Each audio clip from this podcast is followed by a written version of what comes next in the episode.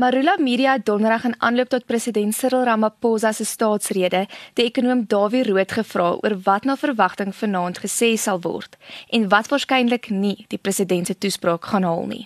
Dawie, wat kan ons van vanaand se staatsrede verwag?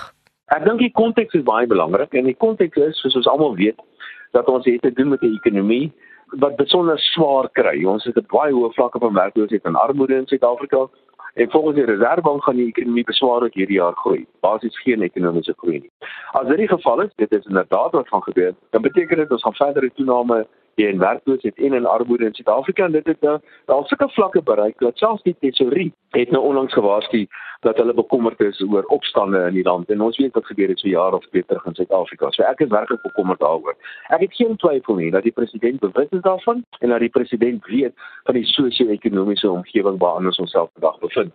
Verder is dit ook so dat ons binnekort 'n verkiesing het en die president is nou maar 'n politikus so, so hy moet maar altyd met die een oog op die verkiesing moet hy nou 'n paar dinge sê, uh, maar hy moet ook op 'n een of ander manier met die mense kan oortuig dat hy werklik waar gaan bereik wat hy vanaand vir ons alles gaan beloof. So ek dink dis die konteks en dit is wat ons mooi moet verstaan waar ons bevind onsself in 'n baie moeilike omgewing vandag in Suid-Afrika. Ek sien nog graag wou gehad het dat die president sy nuwe kabinet aangekondig het voordat hy die staatsrede gelewer het want op die einde kan die president soveel planne maak soos wat hy wil as hy nie werklik 'n span het om hierdie planne te implementeer nie dan gaan daaroor daarvan kom ek sou eers werklik waar glo dat die president erns het om hierdie planne van hom te implementeer as hy die regte span rondom hom het en dit beteken hy moet van 'n klomp dooie hout ontslaa raak in die kabinet en daar's baie daarvan en ek weet nie werklik of hy die politieke wil het of die politieke mag het om van hierdie dooie hout ontslae te raak. Die opdan van die mense wat werklik waar 'n probleem gaan wees wanneer dit kom by die implementering van sy planne. En ek kan name noem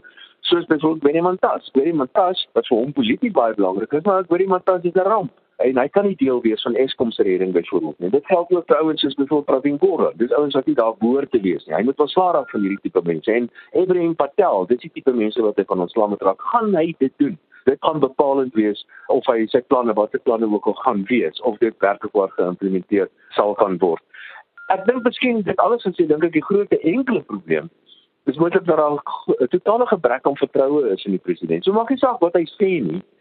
Mense gaan net nie van sê maar dit gaan nie gebeur nie want hoeveel keer het hy dieselfde ou storieetjies al oor en oor vir ons vertel. So van daardie oogpunt dink ek wat die president miskien moet doen is om 'n kleiner, makliker doelwit of plan op die tafel te sit iets wat wel bereik kan word dat ons stadig die vertroue kan herwin in die president en in die regering wat op hierdie stadium op 'n baie lae vlak is. Maar soos almal weet, die belangrikste onderwerp gaan sekerlik wees elektrisiteit.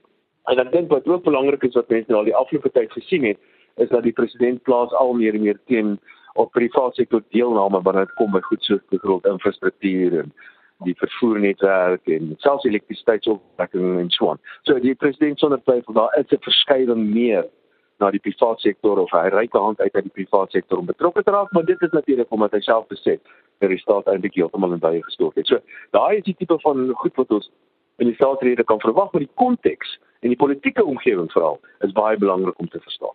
Dawie gaan president Ramaphosa se toespraak veral op Eskom en die land se huidige kragkrisis fokus. Ek dink die enigste ding wat die president kan sê wat my gaan laat regop sit, gaan wees wanneer hy die werklike probleme van Eskom aanspreek. Sover het hulle nog nie die werklike probleme van Eskom aangespreek nie. Hulle het nog nie eens geïdentifiseer nie.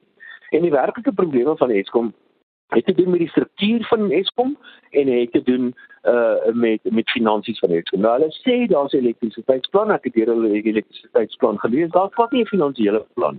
So ons weet nie hoe die finansiële probleme opgelos gaan word by Eskom. Jy moet vir ons vertel hoe die finansiële probleme opgelos kan word en dit gaan drie dinge moet insluit. Die een daarvan is hoeveel geld gaan die minister van finansies van die skuld van Eskom gaan die minister van finansies oorneem? Ek dink ons gaan nog wel iets in die begroting daarvan sien. Maar die twee ander finansiële aspekte wat aangespreek moet word, wat polities baie moeilik is om te doen, as hy dit nie doen nie, dan dink ek nie gaan hy erns hê met Eskom nie. En daai twee finansiële aspekte is is dat die munisipaliteite wat nie hulle rekeninge betaal nie, moet hulle rekeninge betaal.